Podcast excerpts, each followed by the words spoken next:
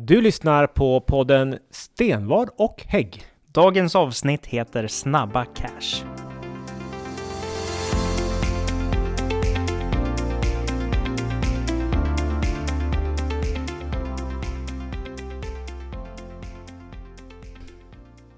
Välkommen till eh, februari månads eh, podd. Med Tack. Stenvad och Hägg. Tack ska du ha, Ja, Hägg. Stenvard. Nu börjar våren närma sig. Känns det i luften? Eh, ja, nej, det kan jag väl inte påstå. Eh, I Söderhamn börjar det kännas lite i luften, men här nere hos er i Gävle så har det varit snökaos eh, deluxe. Ja, det var väl lite jobbigt det här i veckan. Ja. Ja. Att ta sig fram. Ja, jag har noterat det när jag har- plumsat mig fram till kontoret från tåget. Och du har lite synpunkter på snöröjningen har jag också i Gävle. Eh, ja, det hade väl inte inga större synpunkter på. Det tror jag... Det är som i Söderhamn ungefär. Ingen alls. Nej, det har ju inte behövts i Söderhamn, för i Söderhamn skiner solen. Oj, oj, oj. Ja, eh, det- är ju eh, tuffa tider i, i omvärlden. Det är ju det. För första gången under min livstid i alla fall så är det liksom på väg att bli krig på kontinenten. Eh, känns ju... Man har inte riktigt känt det med tidigare krig man har varit med och upplevt. Du var inte med på Balkan. Jag var inte med på Balkantid, men jag tänker andra krig som liksom har varit världen över. Det det är inte lika påtagligt som det är nu när det verkligen, nu är det i närområdet så det håller på att eskalera och det känns ju, Och det är inga små aktörer heller. Det är Putin som ska Ja. eh, konfiskera grannländer. så jag tycker faktiskt det, känns lite obehagligt så. Ja. ja, vi får se vad som utvecklingen blir där och eh, det går ju, kan gå mycket snabbt men det kan också dra ut väldigt lång tid på tiden.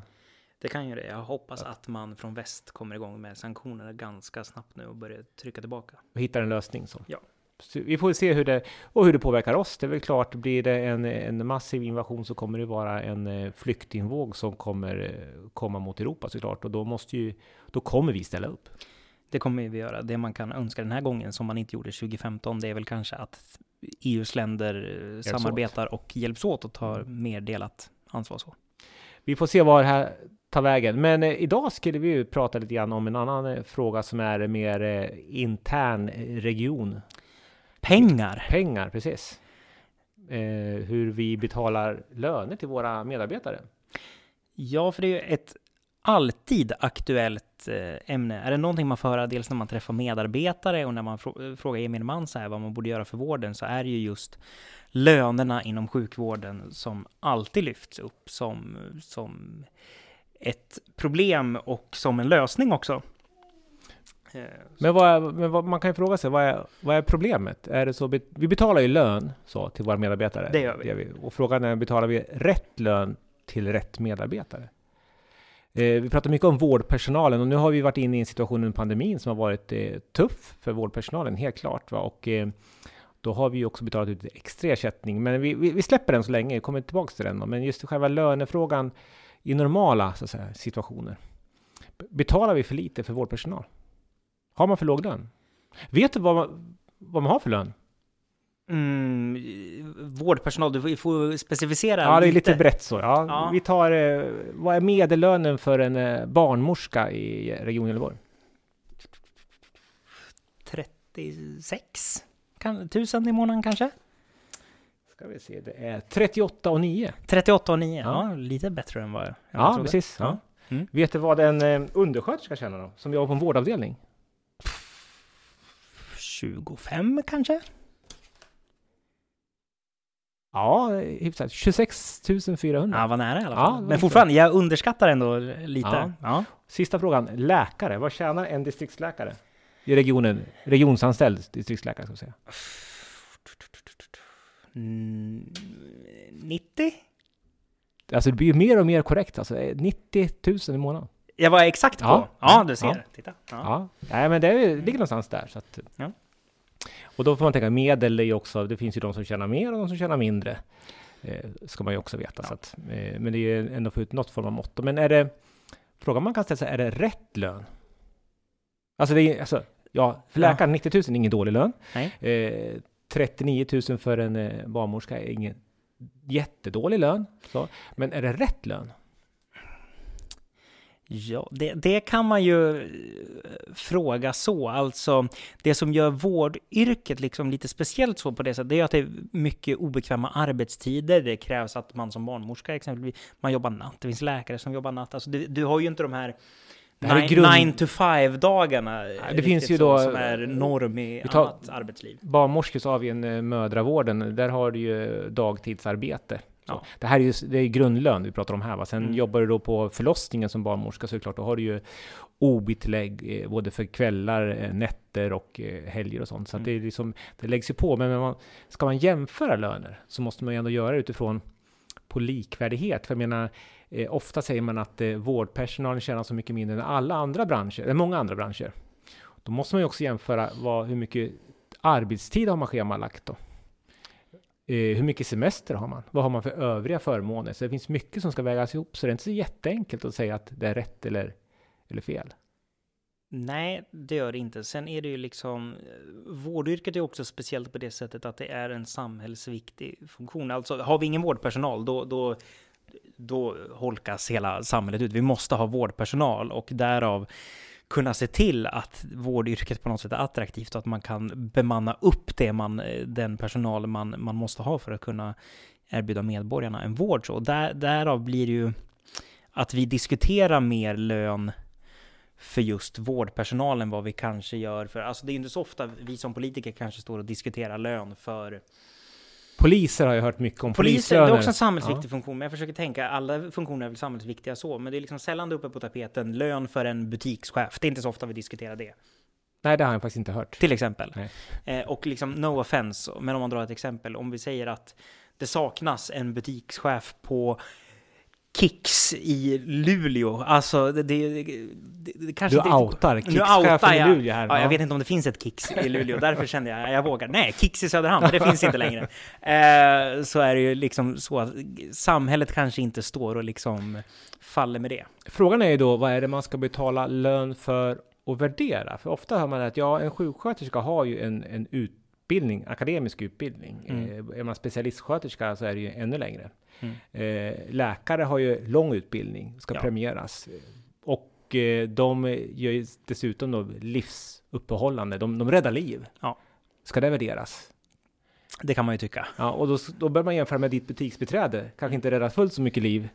Kanske inte heller kräver Nej. fullt så mycket akademisk utbildning eh, inom medicinsk kompetens. Och kanske framförallt inte har eh, slitit i närheten lika mycket som under coronapandemin, liksom när du ska gå med med ansiktsskydd, eh, munskydd och eh, Men då kan man fråga vara nära smittade patienter. Så. Vad tjänar då ditt butikschef på Kicks i Luleå? Det vet jag inte, men jag skulle väl uppskatta kanske runt 30. Jag har inte de siffrorna så att vi får... Nej, jag har inte heller de siffrorna. Eh. Men sen har man en annan aspekt det som är intressant och det är just det här. Vi är ju då en väldigt stor arbetsgivare för sjuksköterskor. Mm. Eh, det är ju offentlig vård. Regionerna, det är kommunerna, sen finns det en del privata vårdgivare. Mm. Jämför du med det känns lite konstigt då att hänga ut en butikschef så, men den fanns ju inte. Men ändå så finns det ändå en marknad, fler arbetsgivare att söka mellan. Kan det vara så att lönerna inom sjukvården har hållits nere eftersom det bara finns en stor arbetsgivare? Så kan det vara. Och fråga... Konkurrens brukar ju trissa upp både priser men också löner. Det gör. Och där ser man ju liksom nu, om man ser till liksom hyrläkare och hyrsjuksköterskor, så har ju en region har ju liksom ändå på något sätt begränsat med eh, resurser just på grund av att den är beroende av det skattekollektiv som den samlar in skattepengar ifrån, alltså de regionala invånarna så. Eh, annat än kanske ett kapitalstarkt privat vårdbolag som verkligen kan erbjuda jättehöga löner till, till liksom eller ett bemanningsföretag som kan erbjuda sky, skyhöga löner så. Eh, men samtidigt ska man ju också komma ihåg att en region kan ju liksom aldrig gå i konkurs. Vi har ju alltid skattekollektivet till syvende och sist. En, ett privat bolag kan ju liksom gå i konkurs så, så det finns ju fördelar och nackdelar med båda. Eh, så. Men en så att säga lönedämpande del är ju att det finns väldigt, det finns några få stora arbetsgivare. Mm.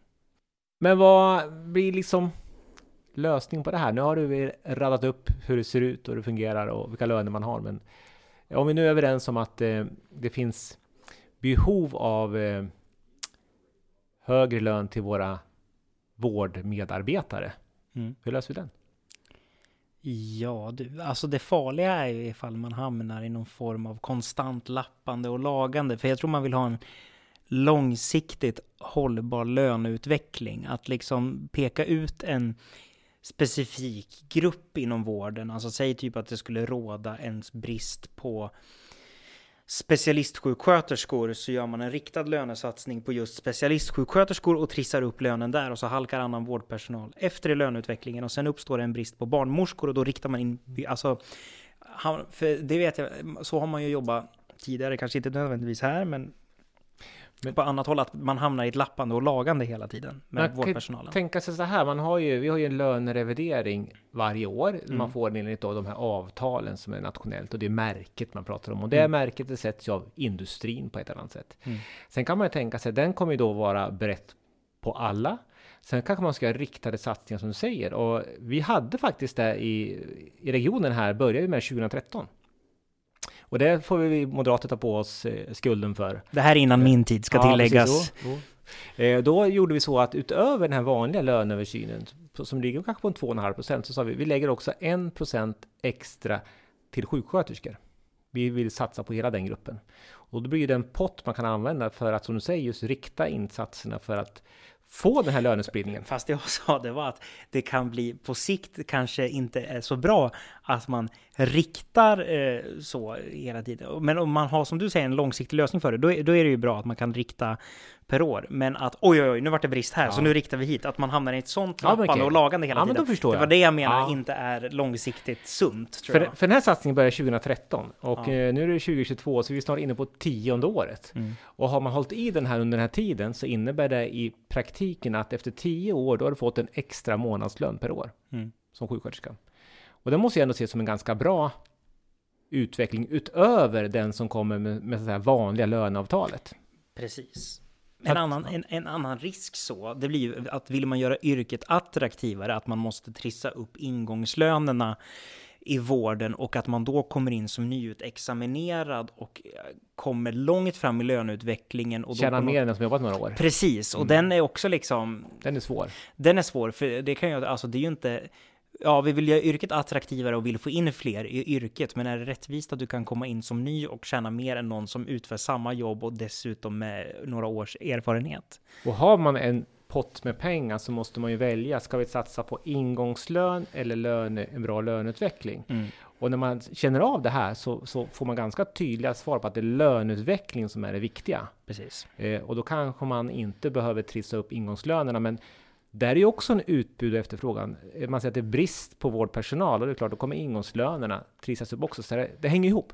Men jag tror också att när du söker jobb och liksom ska söka dig inom vården så, att så tror jag att det kan göra väldigt mycket att du också väljer att jobba på en viss, eh, på en viss enhet som inom vården på grund av att personalen där säger vi har en bra löneutveckling. Det kanske inte är drömlönen när du kliver in där första dagen, men får man personalen på det stället att säga men vi är så nöjda med vår löneutveckling och här Trivs vi, det är liksom bra arbetsgivare, bra lön över tid och vi har en god bemanning som man inte behöver jobba ihjäl sig, då tror jag det gör mer än att du kliver in på en ingångslön på 40 000. Så det är mycket, väldigt komplext vad som avgör. För om det bara vore lönen som var viktig, då skulle ju alla jobba för bemanningsföretag. För där är lönen ja. typ dubbelt så stor. Ja. Du har dubbelt så mycket betalt. Men du får åka runt på alla möjliga sjukhus och det blir ju en väldigt, du, du får ju inte en kontinuitet. Och vi ska också säga att om man pratar med vissa som har sökt sig till bemanningsföretag så är det ju inte alltid bara lönen Nej. man har sökt sig dit för heller. Nej. Så att det där är... Men en annan viktig aspekt för att, eh, för att på något sätt göra, det här yrk, göra våra yrkesgrupper, deras jobb mer attraktivt att jobba hos oss, det är ju faktiskt att ha fler, det här kan bara låta som lite paradox, att vi ska ha fler arbetsgivare att jobba för då måste man se till att man är en attraktiv för att du konkurrerar med de andra. Både på lönesidan men framförallt för arbetsmiljö och arbetssituationen, villkoren på jobbet, eh, måste vara konkurrenskraftiga för att folk ska söka sig till dig. Är du enda arbetsgivaren, då är det ju svårt att liksom, då, då har du inte det drivkraften att, att jobba med din attraktivitet på det sättet. Precis. Så att fler arbetsgivare skulle vara bra. Ja, för det, det tvingar ju liksom oss någonstans ändå också mm. att kontinuerligt se över vår kvalitet och personalpolitik och liksom lönestruktur. För man kan ju i alla fall, det kan man ju konstatera att privata företag är betydligt bättre på att ha liksom örat mot marken och skanna av och se vad det är man behöver implementera för liksom förbättringsåtgärder nu för att vara en attraktiv arbetsgivare. Vi som region har ju liksom den fördelen att eftersom att vi aldrig kan gå i konkurs, att vi, liksom, vi kan liksom vi, vi, har inte liksom samma stress på oss som ett, ett privat företag har. Och det, det, kan vara lite synd så ibland. Men med fler konkurrenter så tvingas vi ju vi också in i det där att kontinuerligt arbeta med att förbättra oss. Så lösningen är egentligen att man har eh, en strukturerad, eh, en lönestruktur som är liksom genomtänkt och fungerar. Långsiktiga satsningar och fler egentligen arbetsgivare. Det är de tre lösningar som finns för att få jobba med det här egentligen.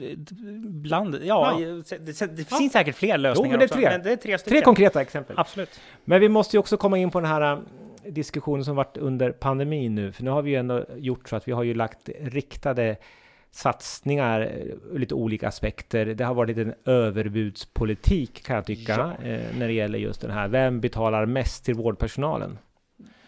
Den där lär vi ju reda ut en gång för alla. Ja, och vi själv kanske också är lite skyldigt att ha bidragit att det har blivit en budgivningspolitik av lönerna i regionen. Så.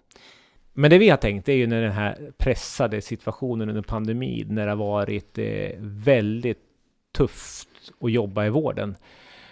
Vi har bland annat pratat om IVA tidigare, men också på våra covid-avdelningar och väldigt pressad, Att där kunna på något sätt ge en extra morot för att man faktiskt har slitit så hårt man har gjort.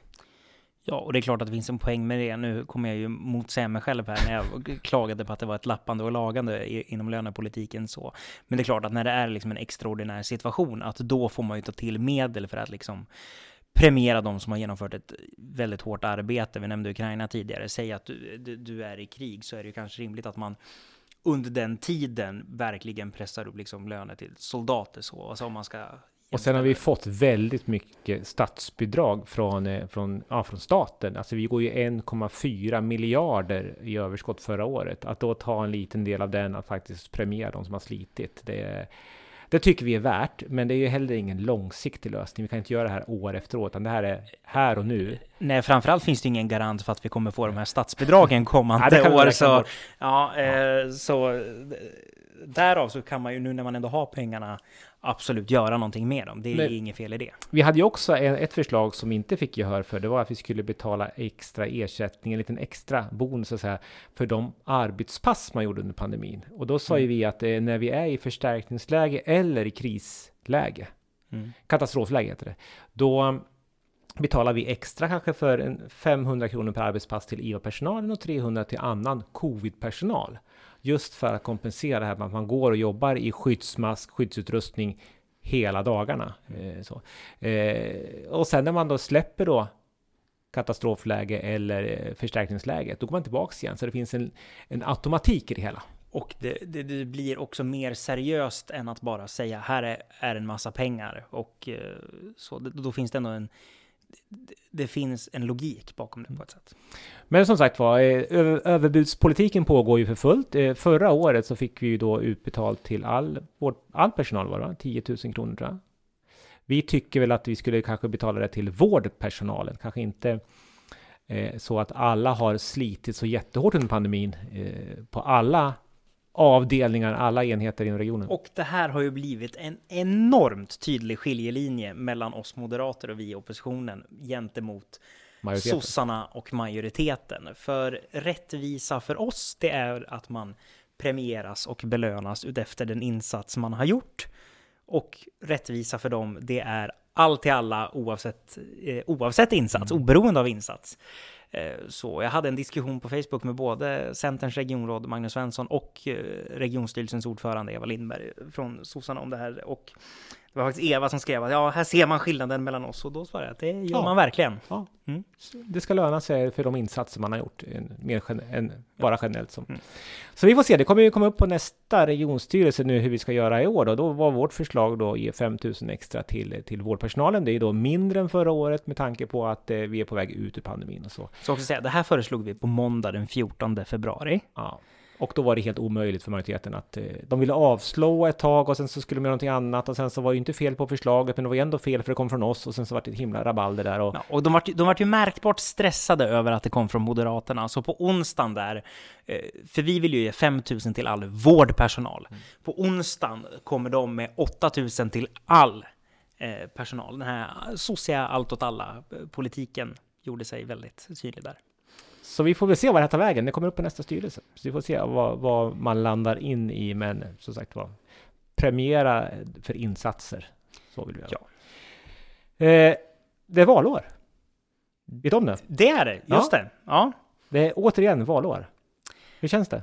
Eh, laddad? Nej, men jag är jäkligt taggad. Eh, jag tänkte lite grann idag här på att det kanske inte blir så mycket semester i sommar, men det gör inte mig någonting för vi gillar ju politik, du och jag, vi tycker det är kul och jobbar man med något man tycker är kul eh, så är det inte särskilt mycket av ett jobb.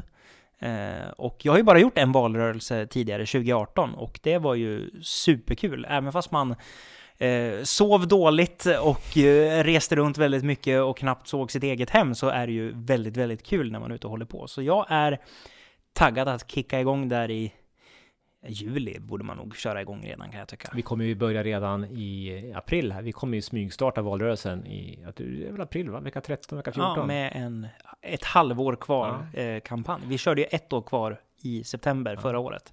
Nu kör vi ett halvårs. Ja, Men det ska bli riktigt kul att, att köra igång på, på fullt allvar. Och som sagt var, eh, vår ambition är ju att eh, vi ska kasta ut sossarna från regionkontoret. Ja, inte från kontoret. Inte från kontoret, Nej, men ur Ledningen. Reg, regionledningen. Ja. Och även Får gärna byta ut Magdalena Andersson till Ulf Kristersson. Ja, Ja. det skulle också kännas. Det vore också bra för, för sjukvården i länet och för länsinvånarna. Eh, Jag tror att det allra bästa hade varit eh, moderat eh, ledning på alla nivåer. Men vi är ju lite partiska. Vi är ju det. Ja. Väljarna får ju själva eh, avgöra så. Men det kan ju vara värt att påpeka att eh, Region Gävleborg har aldrig testat ett moderat ledarskap. Det är alltid sossarna som har styrt här. Ja, Så vill man testa något nytt och ha förändring så kan man i alla fall låna ut sin röst till Moderaterna Ja, i regionen. Det här absolut. Valet. Vi tar tacksamt emot den. Det gör vi verkligen.